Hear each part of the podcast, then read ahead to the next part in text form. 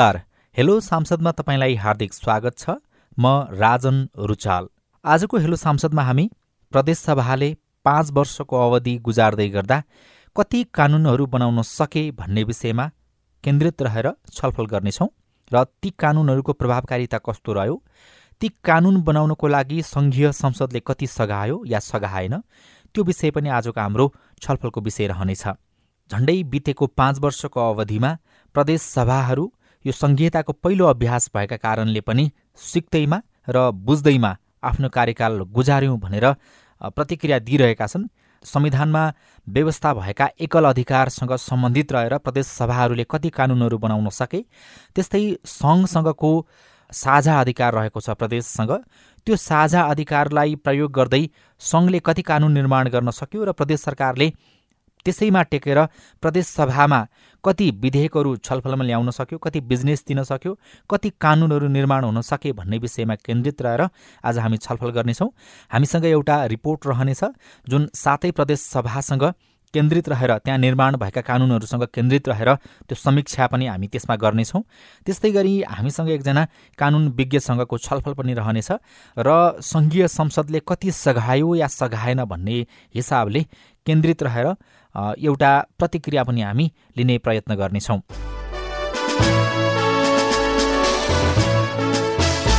झण्डै पाँच वर्षको अवधिमा प्रदेशहरूले संविधान बमोजिम आवश्यक पर्ने थुप्रै कानुनहरू बनाएका छन् तर सङ्घ सरकारको समन्वयको अभावमा बनाउनै पर्ने कैयौँ कानुनहरू निर्माण हुन सकेनन्। सङ्घीय कानुन नभएका कारण प्रदेशसभाले निर्माण गरेका कतिपय कानुन कार्यान्वयनमा समेत आउन सकेका छैनन्। प्रदेशसभा स्थापना भए यता मध्य प्रदेशले एकसठीवटा विधेयक सभामा दर्ता गरेकामा पचपन्नवटा पारित गरेको छ। त्यसमध्ये प्रदेश प्रहरी सेवा सम्बन्धी व्यवस्था गर्न बनेको विधेयक दुई हजार पचहत्तरमा नै पारित भयो।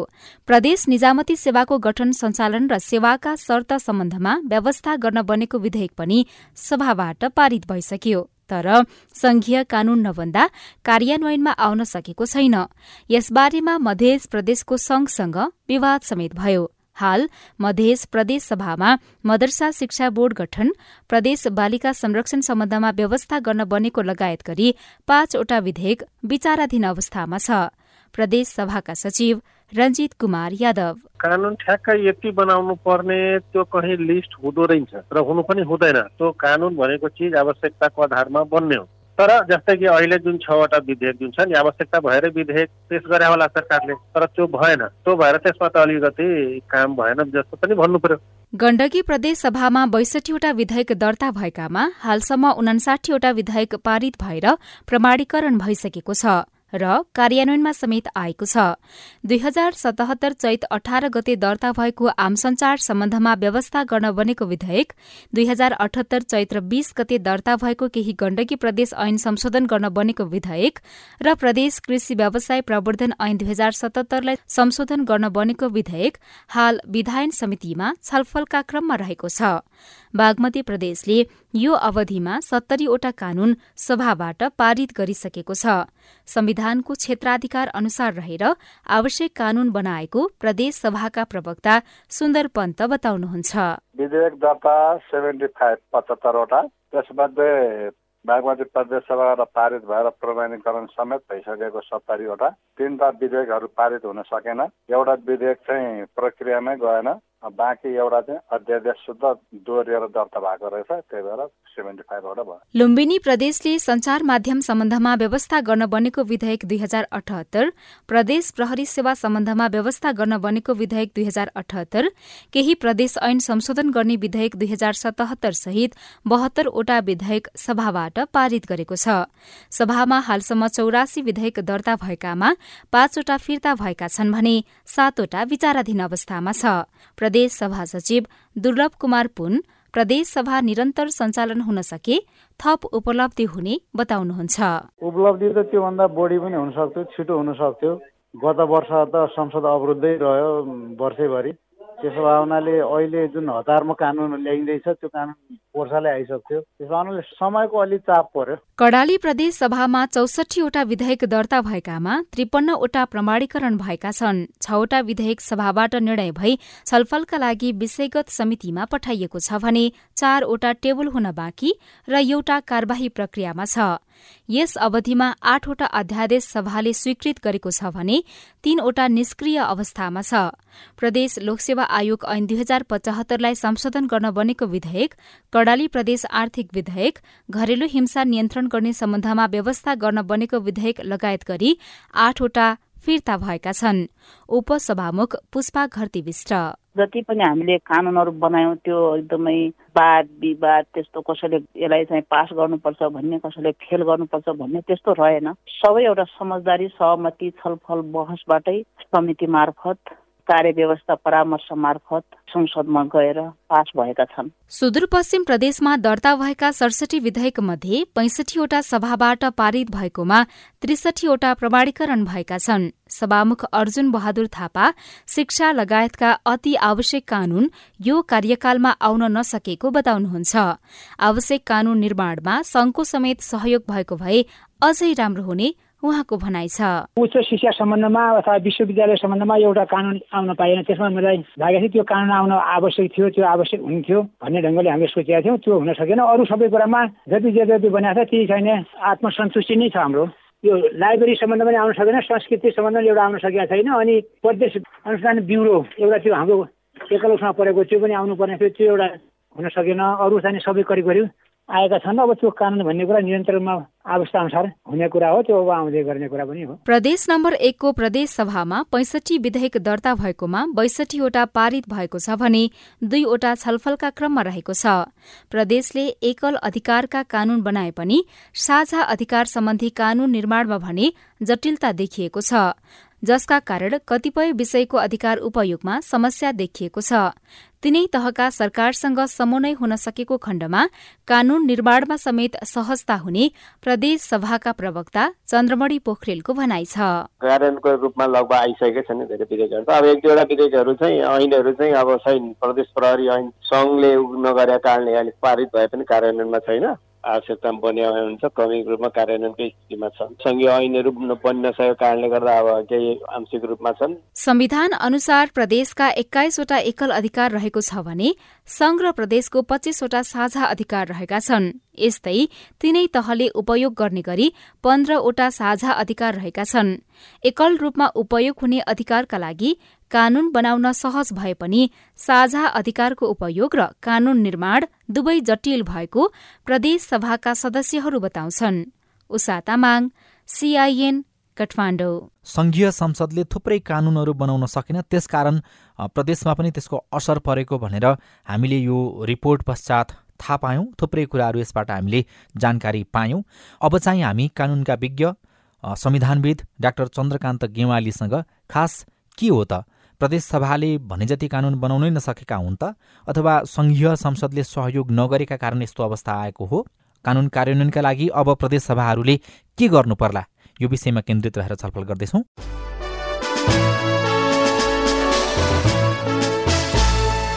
डाक्टर साहब यहाँलाई स्वागत छ कार्यक्रम हेलो सांसदमा।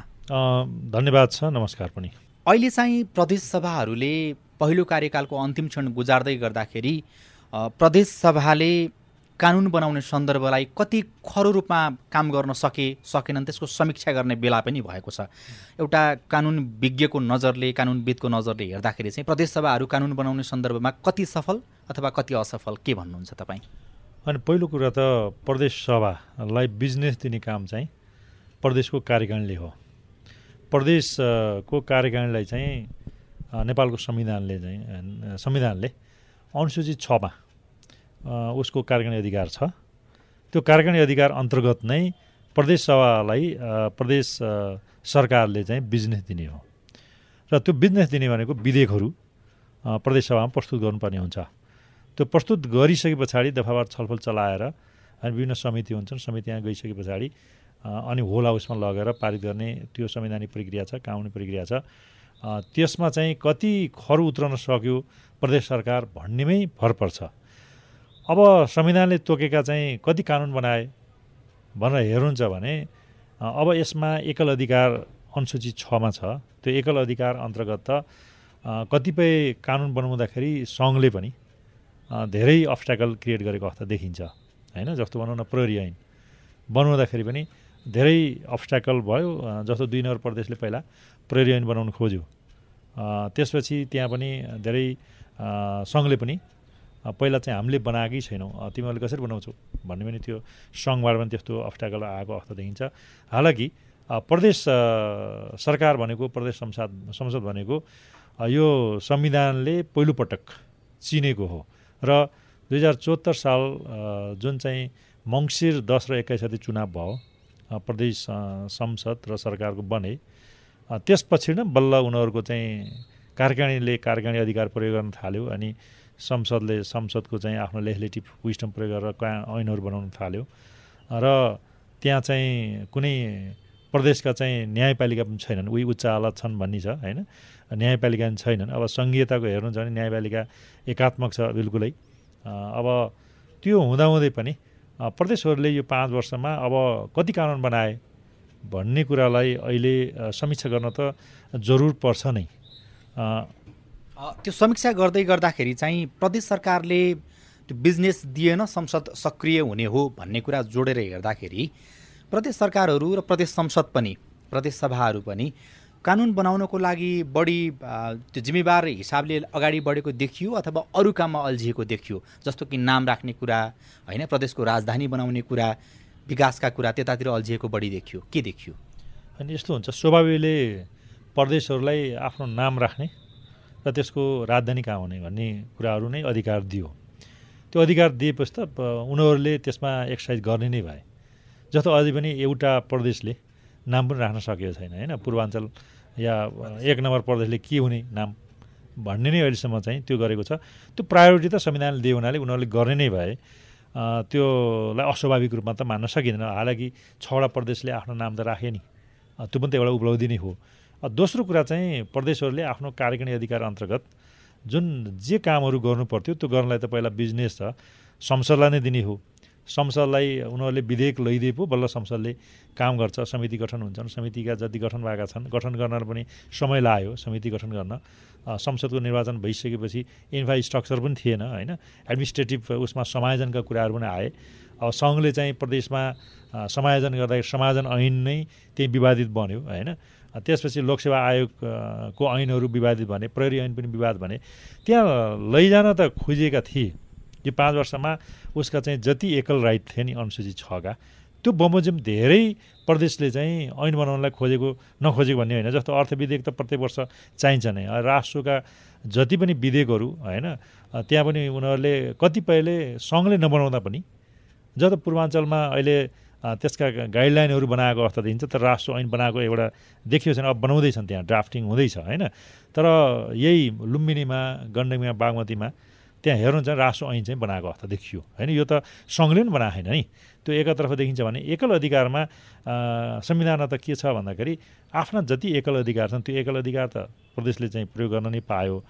केही चाहिँ प्रदेशभरिलाई लागु हुने गरी कसैले चाहिँ अनुरोध गर्यो भने सङ्घले पनि बनाइनु पर्ने भन्ने पनि त्यो चाहिँ एउटा कोअपरेटिभ हाम्रो सङ्घीयता भावनाले त्यो पनि गरेको अवस्था देखिन्छ। त्यसमा चाहिँ महत्त्वपूर्ण के भने एकल अधिकारमा चाहिँ धेरै बनाएको छ जस्तो नाइन्टी पर्सेन्ट त कानुनहरू सबै प्रदेशहरूले बनाएका छन्। केही केही चाहिँ प्रमाणित गर्न नसकेर फिर्ता पनि भएका छन्। होइन त्यो अर्कै कुरा हो। तर नाइन्टी पर्सेन्ट त सबैले बनाएको अवस्था देखियो नि त त्यो स्थिति एकातर्फ देखिन्छ। र अर्को अड्किएको काम के हो भन्दाखेरि जस्तो साझा अधिकारहरू अहिलेसम्म सङ्घले नै एउटा स्पष्ट नीति र मापदण्ड बनाउन सकेन। त्यो नबनाएपछि एउटा चाहिँ के गर्यो भन्दाखेरि अन्तर सरकारी सम्बन्ध विधेयक पनि ल्याएर पारित भयो। जस्तो चाहिँ अन्तर समन्वय सहकारीको चाहिँ जुन ऐन थियो त्यो ऐन चाहिँ प्रदेश सङ्घ र स्थानीय तहलाई त्यो चाहिँ कानुन आयो। त्यो कानुन चाहिँ सङ्घले नबनाइँदाखेरि साझा अधिकारहरू प्रयोग गर्न सकेनन्।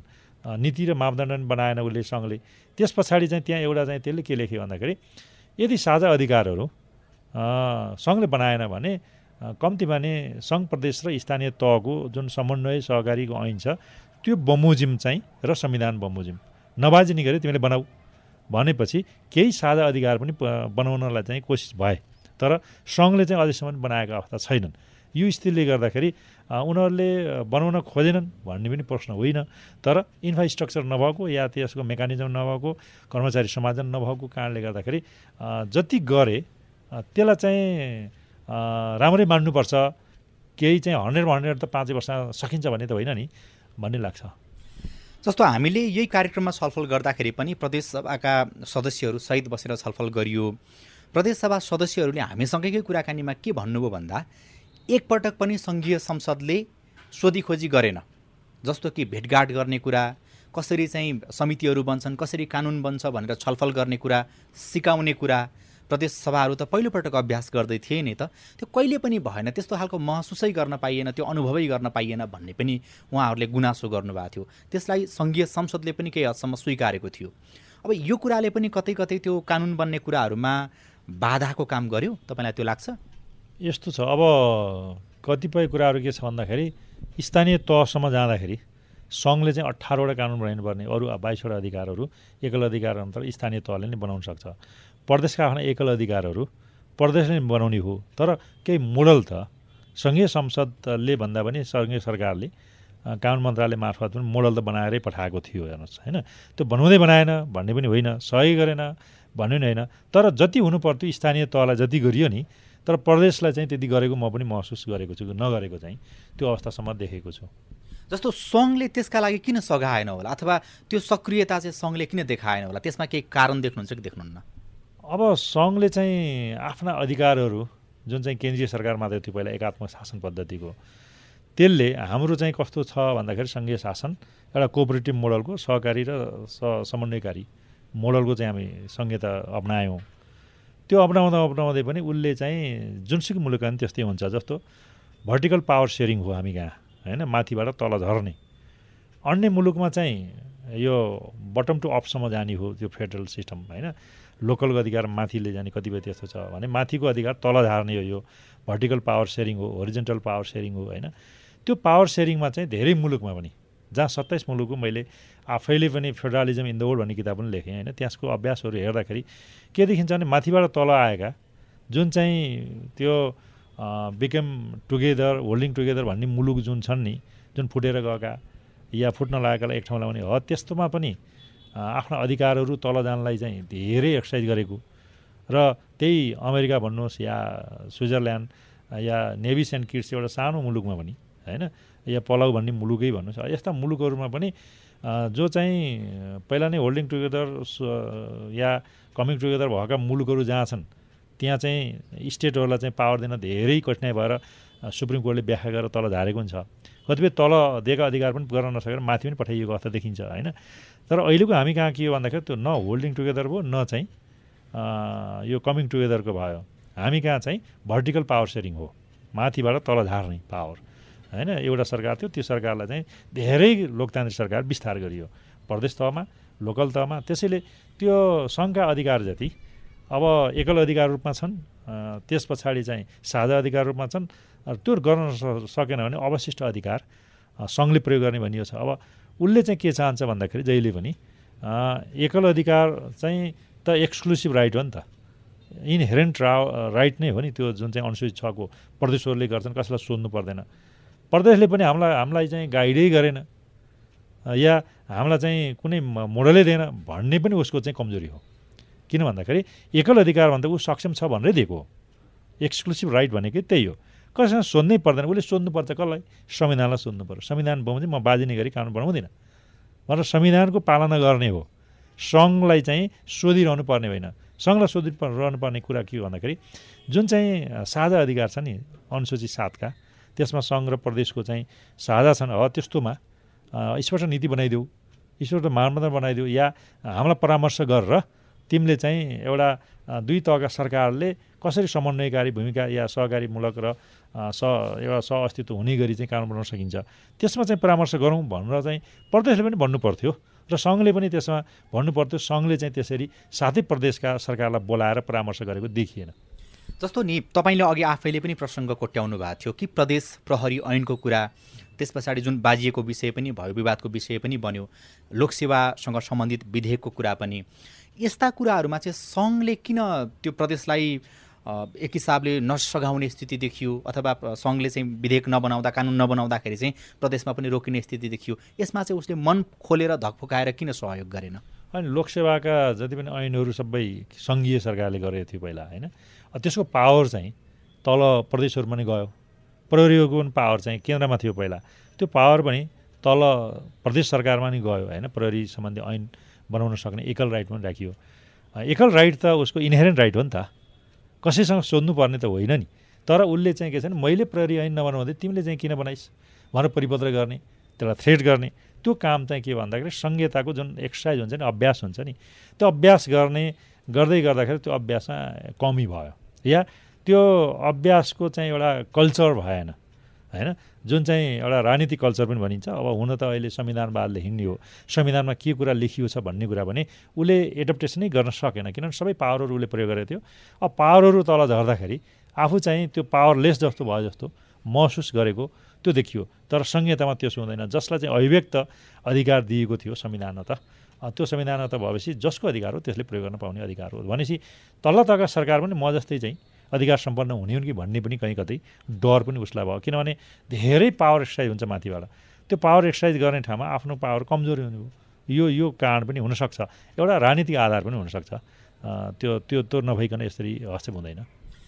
अब जति पनि कानुनहरू बनेका छन् प्रदेश सरकारले प्रदेश संसदले जति पनि कानुनहरू बनाएको छ त्यसको कार्यान्वयनको पाटो यदि राम्रो भएन भनेदेखि त्यो कानुन बनाउनु र नबनाउनुको खास अर्थ पनि हुँदैन। कतिपय कानुनको विषयमा त सञ्चारकर्मीलाई थाहा छैन जनतालाई कसरी थाहा होस् त्यो थाहा दिन तदारुकता पनि प्रदेश सभाले लिएको देखिँदैन सरकारले लिएको देखिँदैन। त्यसको कार्यान्वयन चाहिँ एकदम सफाट होस् सबैले थाहा पाउन् र कतै न कतै लाभ लिउन् भन्नको लागि चाहिँ अब के गर्नुपर्छ होला? होइन पहिलो त कानुन बनाउँदाखेरि पब्लिक पार्टिसिपेसन सबैभन्दा महत्त्वपूर्ण हुन्छ। समाजशास्त्रीय दृष्टिकोणबाट मानवशास्त्रीय दृष्टिकोणबाट कानुनी तरिकाले राजनीतिक तरिकाले पब्लिक पार्टिसिपेसन नै सबैभन्दा महत्त्वपूर्ण हो। कानुन हामी कहाँ कसरी बनाइन्छ भन्दा प्रेडिक्ट गरेर के? एउटा अनुमानको आधारमा गराइन्छ भने त्यो चाहिँ कानुन हुँदैन। सङ्घले बनाएका हिजो एकात्मक शासन पद्धतिमा पनि कानुन राम्रा थिए संविधान पनि राम्रो थियो। कानुन किन भएन भन्दाखेरि भविष्यवादी भए। जो चाहिँ प्र्याक्टिकल भएन जुन जनताको मनले बोलेको जनताको भावनाले बोलेको जुन व्यवहारिक र जुन व्यवहारिक समस्या थिए त्यो समस्यालाई एड्रेस गर्ने कानुन बनेन। त्यो कारणले गर्दा कानुन भएन। आज पनि तपाईँ सफार चाहिँ कानुन हुन्छ भन्ने मलाई लाग्दैन कति चाहिँ कानुन जनता घरदौलमा पुगेर जनताले बोलेका कुराहरू जे समस्या थियो त्यसलाई एड्रेस गर्ने गरी गरेका कानुन त्यो लागु हुन्छ नै। त्यो लागु गर्ने मेकानिजम छ। तर जनतालाई कुनै निड पनि छैन आवश्यक छैन। त्यस्ता कानुन जनतालाई नै पार्टिसिपेसन गराइएन। या कहीँ कतै पनि अरू विज्ञहरूलाई पनि बोलाइएन भने उसले अनुमानको भरमा चाहिँ कानुन बनाएर त्यही संसदले मात्रै बुझ्ने भाषामा मात्रै गर्यो भने त जनताले त थाहा पाउन्न। थाहा नपाएपछि जनतालाई थाहा नभएपछि उसले कानुनै गर्न सक्दैन। या उसैले नै एडप्टेसन गर्दैन भने त उल्लङ्घन हुन्छ। होइन उसलाई कानुन बन्यो हुन्छ उसलाई थाहा छैन राइट टु नो पनि छैन। बनिसकेपछि जनतालाई सूचित गर्दै हिँड्नुपर्छ। झन्डै छ सात महिना एक वर्ष चाहिँ मैले यो कानुन बनाएँ। यो तिमीले यो कानुन पालना गर। तिम्रो समस्यालाई एड्रेस गर्ने गरी मैले बनाएको छु। तिमीले कुनै पनि हालतमा यो कानुन चाहिँ उल्लङ्घन गर्नुहुन्न भन्ने त्यस्तो चाहिँ अवेरनेस पनि चाहिन्छ। त्यो अवेरनेस चाहिँ मैले चाहिँ अहिलेसम्म जति कानुन बनाएको देखेको छु र आफू चाहिँ कानुन बनाउने सन्दर्भमा पनि धेरै संसदहरूमा सांसदहरूलाई पनि पढाइरहेको अवस्था देखिन्छ। त्यो गर्नुहोस् भनेर भनिएको पनि छ। तर उहाँहरूको अहिलेसम्म त्यस्तो चाहिँ पब्लिकली पार्टिसिपेसन गराएर एकदमै जनता घरदैलमा गराएर कानुन बनेको चाहिँ महसुस अहिले जनताले पनि पाएन हामीले पनि पाएको छैनौँ। डाक्टर साहबसँग मैले कुराकानी गर्दै गर्दाखेरि अब त्यो संविधान त हेर्दाखेरि चाहिँ प्रदेशसभाको समयावधि सत्र दिन बाँकी छ। यो अवधिमा यदि तपाईँले भने जस्तै गरी जति पनि कानुन बनेका छन् त्यो कुरा चाहिँ जनतालाई सुसूचित गर्नुपर्छ यदि भन्ने हो भनेदेखि प्रदेश सरकारले के गर्ने? प्रदेश सभाले के गर्ने? तपाईँको सुझाव चाहिँ के रहन्छ? होइन हामीले चाहिँ सत्र दिन त पहिले म इन्कार गर्दछु। सत्र दिन बाँकी होइन। यसको चाहिँ प्रदेश संसद र सङ्घीय संसदको कार्यकाल आगामी मङ्सिर नौ गतिसम्म रहन्छ। तर भनिएको चाहिँ त्यस्तो छ नि भनिएको होइन। म म चाहिँ सुरुदेखि नै यसमा कमिटमेन्ट छु। म चाहिँ जुन संविधानको व्याख्या गर्छु संविधानको व्याख्याका दुईवटा भोल्युम पनि निकालेको छु। अन्तर्राष्ट्रिय सिद्धान्त हाम्रा कन्भेन्सन हाम्रा चाहिँ सर्वोच्चका फैसला यी सबैले गर्दाखेरि यसको कार्यकाल भनेको पाँच वर्षै हो। त्यो पाँच वर्षमा चाहिँ विघटन भएमा बाहेक पाँच वर्ष हुनेछ भनेको छ विघटन चाहिँ दुई दुईपटक भएपछि सुप्रिम कोर्टको पछिल्लो फैसलाले पनि अन्तिम कार्यकालसम्म यो उभो गर्नु भनेर एकातर्फ व्याख्या गरेको छ संविधान इलाहले अर्कोतर्फ चाहिँ प्रधानमन्त्रीको पद रिक्त हुने मुख्यमन्त्रीको पद रिक्त हुने पनि विघटन भएमा बाहेक कार्यकाल समाप्त भएमा तिम्रो रिक्त हुन्छ भनेर एकातर्फ त्यो भनिरहेको छ। प्रदेश सांसद र सङ्घीय सांसदको पनि का प्रदेश संसद र सङ्घीय सांसद संसदको चाहिँ कार्यकाल समाप्त भएको खण्डमा तिनीहरूको पद रिक्त हुने व्याख्या गरिएको छ। सभामुख पनि त्यही छ। अहिले चाहिँ हालाकि के छ भने सभामुखको चाहिँ नोमिनेसन भएको अघिल्लो दिनसम्म यो चाहिँ कार्यकाल रहन्छ भनेर भनिएको छ। त्यो नोमिनेसन भएको अघिल्लो दिन भनेको विघटन भएको अवस्थामा मात्रै हो। त्यसलाई चाहिँ एउटा तथ्यको भ्रम पर्यो। तथ्यको भ्रम पर्यो। यो चाहिँ त्यो विघटनभन्दा बाहेकको अर्को चाहिँ शब्द चाहिँ कसैले हेरिएन। जहाँ चाहिँ कार्यकाल समाप्त भयो भने बल्ल पद रिक्त हुने भनेपछि यसको कार्यकाल कहिले सुरु भयो? भन्दा चौसठी मङ्सिर दस र एक्काइस गते दुई चरणका निर्वाचन भए दुई तका संसदका निर्वाचन भए र यस्तो यसको कार्यकाल भनेको निर्वाचित भएको मितिले दुई हजार उनासी साल मङ्सिर नौ गते पहिलो चरणलाई नै कार्यकाल समाप्त भएको मानिन्छ। दस गते भावना नौ गते समाप्त हुन्छ। त्यस कारणले दस एक्काइस दिन भयो। बाँकी छ भन्ने म असहमत छु। ठिक छ त्यो असहमति राख्दै गर्दाखेरि मङ्सिरको नौलाई नै यदि हामीले अन्तिम कार्यकाल मान्ने हो भने पनि जति समयावधि बाँकी छ नि त्यो बेलामा चाहिँ तपाईँले भने जस्तै गरी गाउँ गाउँमा जाने कि नजाने कानुन बुझाउने कि नबुझाउने जनतालाई अथवा के गर्ने त उहाँहरूले? कि बाँकी रहेको कानुन बनाउने कि के गर्ने? कानुन बनाउँदैमा कानुन हुन्छ भन्ने होइन। त्यो कानुन बनाइयो भने पहिलो कानुन बनाउँदा नै जनता कहाँ जानुपर्छ? जनता कहाँ उनीहरूको भावना बोलो बोलेन होइन? उहाँको उहाँको आत्मा बोलो बोलेन त्यो कानुनमा उहाँको समस्याहरू बोलो बोलेन। ती कुराहरू जनता कहाँ नगइकन कानुन बनाएको त्यो प्रेडिकेटेबल हुन्छ त्यो कानुन कानुन हुँदैन एउटा काला अक्षर मात्रै हुन्छ। हालाकि उहाँहरूलाई नसोधिकन बनाइयो भने पनि ल हामीले यस्ता कानुन बनायौँ भनेर राइट टु अवेरनेस भन्ने कुरा जनतालाई दिनुपर्छ। राइट टु इन्फर्मेसन हाम्रो फन्डामेन्टल राइट हो।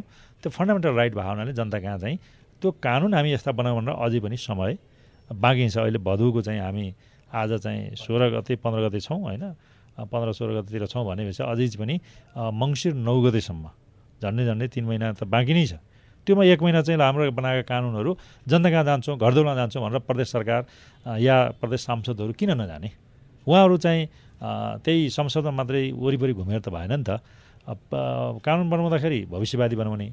जहाँ चाहिँ जनता कहाँ चाहिँ पुगिएन भने त त्यो चाहिँ कानुन हुन सक्दैन। जनतालाई राइट टु नो छ। जनतालाई सूचित गरियो भने उसले पनि त्यो कानुन यस्तो छ भनेर पालना गर्न तयार हुन्छ। यदि सूचित भइएन भने त के लेखेको छ लेखेको छ। हामीलाई पनि थाहा छैन भने हामी जस्तो मान्छेलाई त थाहा छैन भने हामी कसरी कारण गर्न सक्छौँ? त्यस कारणले सूचित हुनु गराउनु त्यहाँको संसद संसद र सरकारको कर्तव्य हो। हस् समय सम्वादको लागि यहाँलाई धेरै धेरै धन्यवाद छ हस् यहाँलाई पनि धेरै धेरै धन्यवाद। सिआइएन परिवारलाई पनि धन्यवाद।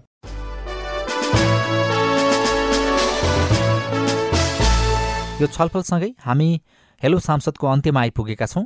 आजका लागि हामीले प्रदेशसभाले कति कानुनहरू बनाउन सके या सकेनन् भन्ने विषयमा केन्द्रित रहेर छलफल गऱ्यौँ। अर्को कार्यक्रममा यस्तै गरी संसद र सांसदका विषयमा छलफलसहित उपस्थित हुनेछौँ। आजका लागि प्राविधिक साथी सुनिल राज भारत सहित म राजन रुचाल पनि विदा हुन्छु। हवस् त नमस्ते।